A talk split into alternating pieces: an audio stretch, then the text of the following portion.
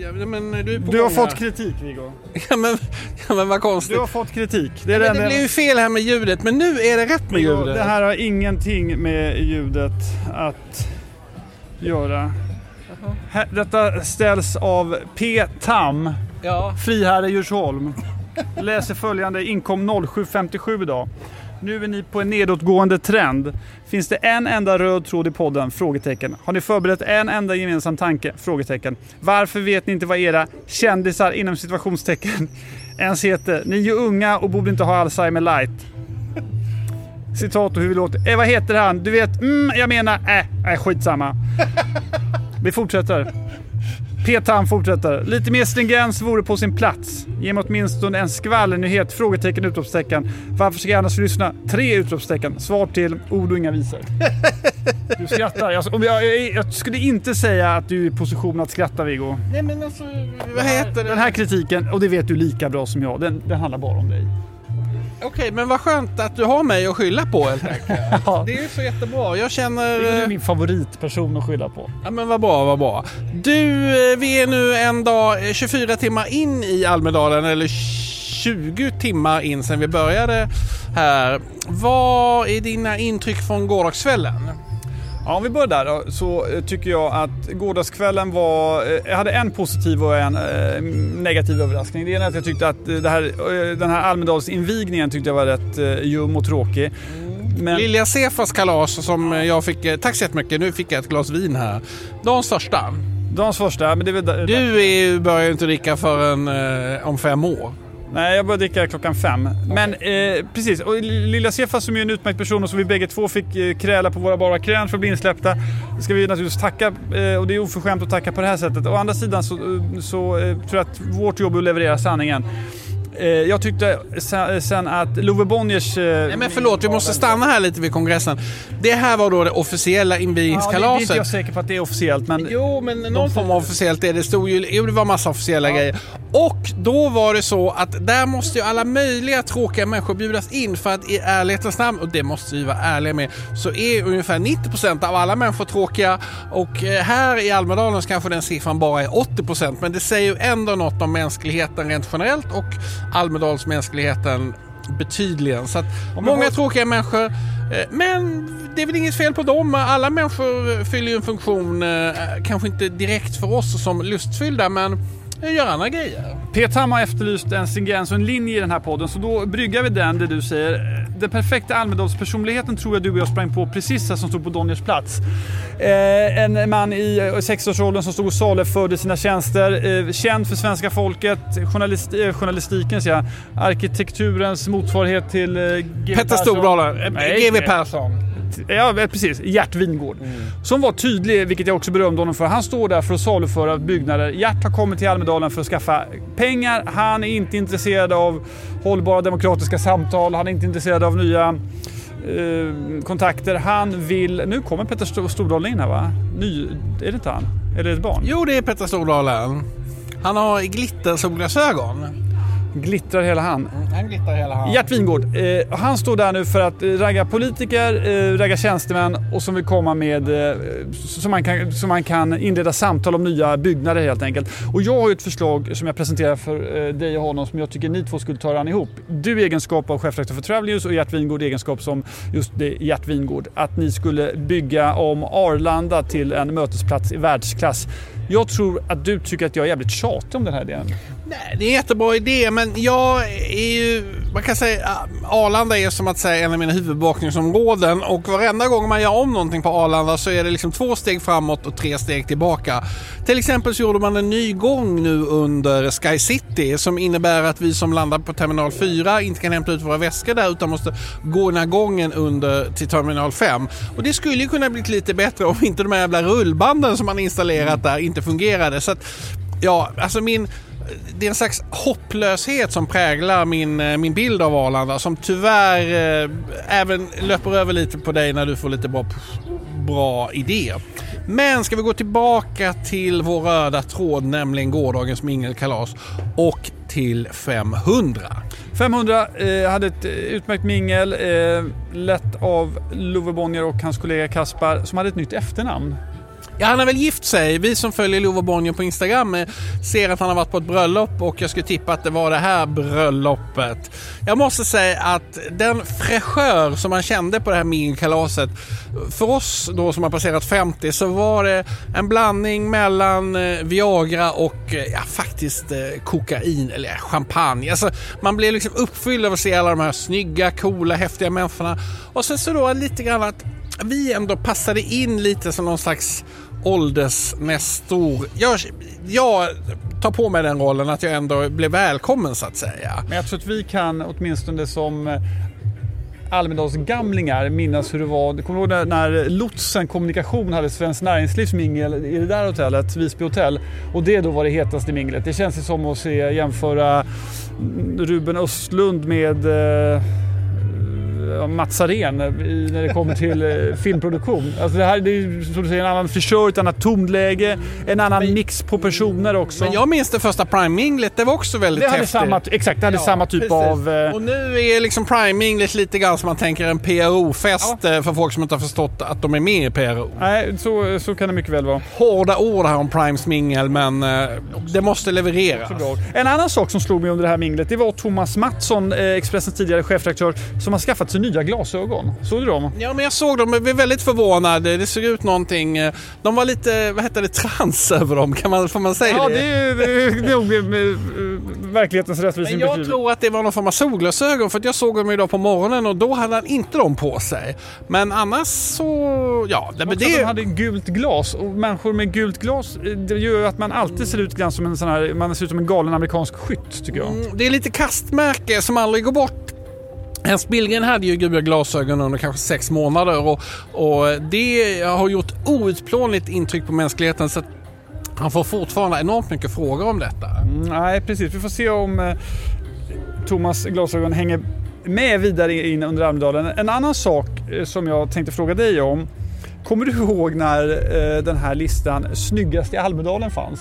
Ja, det var ju Niklas Svensson. Jag ja. mejlade faktiskt podden till honom igår och eh, då sa han att han tyckte det var jätte... Han, såg lite, verkar glad och eh, då sa jag, då tackar vi honom för allt och sa att vi saknar honom. Nej men det var ju Marita, tror jag hon heter, som är på Fotografiska, oklart förresten om hon är det, men hon fick ju vara etta på den listan. Men det var väl eh, Niklas och hans här, tjej som gjorde ja, det? Absolut, men det här är ju en sak som lite grann försvann. En publicistisk eh, vignett som försvann under radarn efter metoo.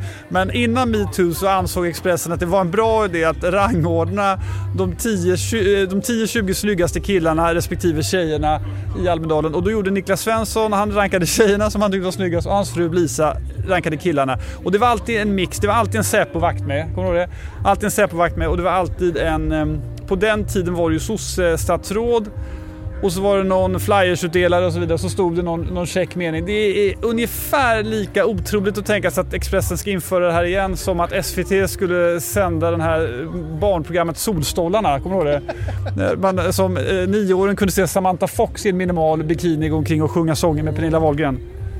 Ja men Ola Dunsö som gjorde det här programmet eh, Solstolarna var ju eh, legend i Malmö. Eh, det finns väl Ulf Krister eh, Ja, ute på vischan eh, så kan man väl nog ha sån humor kvar fortfarande på någon eh, nyårsrevy eller någonting sånt. Men, jo, men det var ett barnprogram alltså? Det var jo, inte nyårsrevy? Ja, alltså, jag vet, jag vet, jag vet. Men, det, alltså, men alltså Benny Hill var ju på sin ja, tid... Det är ett jättebra exempel. Benny ja, Hill, det, det var liksom... Ja, men min, min hustru Anna som, eh, eh, vad heter det, hon brukar berätta att hon skrattade jättemycket åt eh, Ben Hill. Och det var ju alltid han och var ful och tjock och så kom det tjejer med stora tuttar och tryckte upp dem i huvudet på honom och så skrattade alla. Ja, jag vill minnas att det var han som tryckte upp sitt huvud på tuttarna. Jag tror inte det var... Det var väl det ja, som var... Han var ju liten också och tuttarna var ju högt upp för de var ganska långa. Men vi lämnar även detta och Ed, går till Ulf Kristersson som har hållit ett tal, vår statsminister. Får jag säga en sak innan dess? Jag har varit på Techarenan idag. Har du varit där? Nej, jag har varit på Electric Garden där de hippaste bolagen, bland annat Heart Airspace, vars COO Sofia jag har intervjuat. Mycket spännande. Ja, men det blir bra. Jag gör ju förutom det här, och många kanske tror att jag bara gör det här, men jag har då idag kanske redan gjort tre intervjuer med, eh, eh, ja, med olika människor. Electric Garden och Techarena, det är också intressant att se när, när politikerna och folkrörelserna flyttar ut från Almedalen och inte här så mycket så har startupbolagen och kapitalet flyttat in igen. Och nu ska jag säga att av alla startup och eh, techpersoner kring Stureplan är det bara Christian Fricke man saknar. Vem var det nu? Christian Fricke vet du, det vet du om det är? Ja, men det, nej, ingen, jag, det, jag ser ingen framför mig, men nevermind. Han, jag ska googla honom sen. Googla honom. Han, eh, om inte han kommer hit till drinken skulle jag bli förvånad. Eh, Techarenan har ju dessutom den här nu så man kan gå ner och rösta på olika startupbolag som man tycker ska eh, få någon form av kapitaltillskott eller något sånt. På Techarenan träffade jag en gammal bekant till oss som har skolat om sig. Han är numera techentreprenör. Han var reporter när du var chefredaktör. Jag ska ge dig en ledtråd till. Han var inte bara reporter, han ville ha titeln chefredaktör på Resumé.se. Andreas... Eh, På väg. Andreas som var ihop med den här jättekända psykologen. Andreas Dahlin. Oj, oj, oj, oj. Ja, men eh, just det ja. Han Mm. är där, så honom kan du gå ner och rösta på om du vill. I, Ja, men då ska jag rösta på honom. Jag tyckte han var trevlig.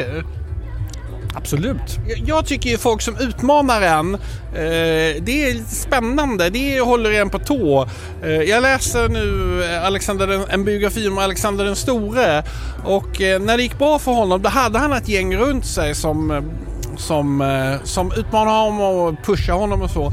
Men sen så när han blev, när han blev eh, Asiens kejsare då, då rensade han ut alla, alltså han mördade, det var ju väldigt brutalt, han mördade alla som på något sätt kunde hota eller komplettera eller rådge honom. Ja, och sen gick det åt helvete. Ja, men jag tror du är rätt i det. Vi- Jag pratade med en person om en, ett liknande scenario idag. Nu har jag glömt källan till det så det är dåligt men jag säger det ändå. Men det sägs att Bill Clinton eh, eh, tillsatte sin stab efter devisen att han skulle vara smartast i rummet. och Men alltså det där är ju i och för sig lite provocerande uttalande. Eh, Varför då? Därför att, ja men ah, jag ska vara den minst smarta i rummet. Nej men alltså, nej men det tror inte jag på. Man vill ha några smarta och några dumma. Det är ju det, alltså...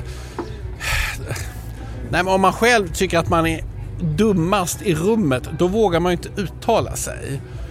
Jag tror att du är helt fel. Du, du blandar ihop begreppen fullständigt. Det beror på också vilken typ av självkänsla och tyngd du har. Om du förstår vilket ämbete du har och så är frågan om så här, vilka som du är inne på själv ska utmana dig.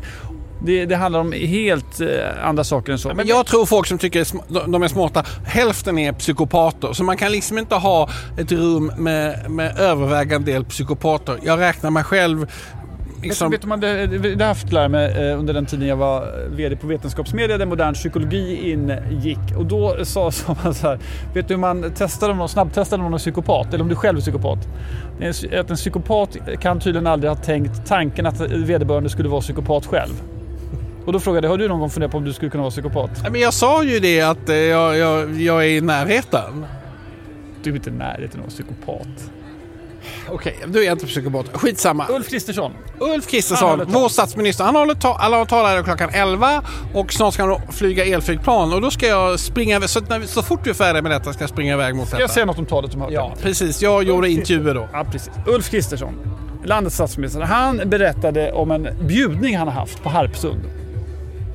En bjudning där han har bjudit in alla före detta statsministrar med familjer. Göran Persson kom inte.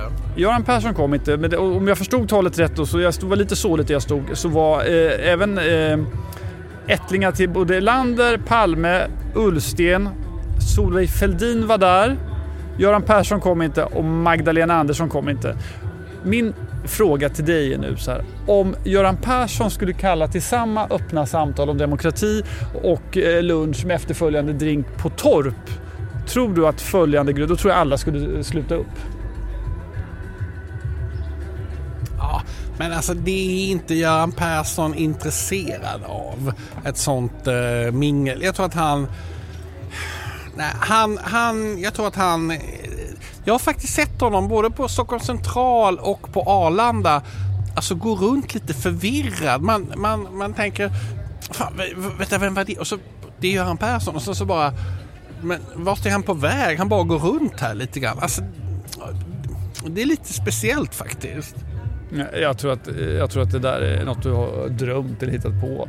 Jag tror Göran Persson är en av landets mest sinnesnärvarande personer faktiskt. Ja, men att han annan- eh, gillar att glida runt lite i den där... Jag kommer på en annan sak som jag tror. Göran Persson kommer ju gå till historien för rätt mycket. Om vi bortser från liksom politiska reformer, eh, längden, hur länge han satt, hur han tillträdde och så vidare. Men det finns en punkt som Göran Persson kommer gå till historien på. Den är kanske den som han kommer bli mest ihågkommen för. Det är ju som dramaturg. Jag upplever att den här, han är ju den som har störst inflytande på hur folk pauserar i Almedalen. Alla människor låter ju mer eller mindre, försöker de låta som Göran Persson när de ska låta lite smarta. Mig inkluderad. Jag eh, tänker på att han aldrig lärde sig uttala resume. Han sa resume. Ja, det sa han. Resume. Alltså, nej men han var ju drevs ju av en pillemariskhet som... eh, En nyfikenhet. En nyfikenhet, pillemarisk, eh, kaotisk. Eh, ja men eh, där besläktad med Astrid Lindgren tycker jag. Jag högaktar honom eh, och tänker på honom. Jag har tänkt på honom något så fruktansvärt mycket. Men eh, eh, åter till Kristersson. Kommer han att bli en sån person? Jag tycker att han, som jag sa tidigare i podden förra gången, att jag tycker att det verkar gå ganska bra för honom och jag tycker att han men han verkar mycket mer intresserad än Fredrik Reinfeldt av att bygga liksom, relationer med olika människor. Han, han verkar mingla runt och snacka och så vidare. Jag, jag träffade honom första gången. Nu, nu vill Claes eh, säga någonting här. Ja, men det jag tror, eh, med, om Göran Persson var imperiebyggaren som byggde monument kring sig själv med hjälp av bland annat Erik Fichtelius och eh, gjorde massa såna symboliska grejer. Han hade mycket tid, han var en solitär vilket gjorde att han kunde visa intresse och nätverka på det sättet. Då upplever jag att Ulf Kristersson är mycket mer av eh, vill ta rollen som en landsfader. Han inkluderar sin familj väldigt mycket. Framförallt eh, hans hustru Birgitta Ed som jag upplever som Barnen också mycket på Instagram. Absolut och barnen mycket och deras värnplikt och så vidare. Och eh, det här är säkert bara början. Han, han har en historia han vill berätta och den berättar han gärna och eh, konkret genom sin familj. De har också varit med i Moderaternas reklam och så vidare. Jag tror också med Birgitta Ed som statsminister och hustru är det väl första gången vi har en, eh, sen Filippa Reinfeldt, kanske en statsministerhustru som eh, tar en position. Annars har ju statsministerhustruarna snarast tävlat i att vara mest anonyma i Sverige. Eh, och eh, det här har vi pratat om tidigare du och jag. Och det, det, det tror jag, och jag tror att det är på det sättet Göran per, eh, eh, Ulf Kristersson vill eh, både bygga sin, eh, sitt mandat och sen så småningom eh, sitt eftermäle även om man naturligtvis inte tänker på det just nu. Nej, eh, nu kändes det som att luften gick ur här Claes eh, Är vi på väg att avrunda? Jag tycker vi skickar en slängkyss till P. Tam i Djursholm och säger så här att vi kämpar på Peter, vi hoppas du gör detsamma. Mm. Och tack till alla andra lyssnare, var ni än befinner er i världen. Fortsätt att lyssna. Imorgon kommer det en ny podcast. Och eh, jag har nu köpt batteri till min mikrofon här så att eh, ni får ljud i bägge lurarna. Jag försökte igår eh, få ordning på det här men tyvärr lyckades jag inte. Men eh, det här är i alla fall ljud i båda lurarna. Tack! Tack. Ja, okej, du. Vad du som sa.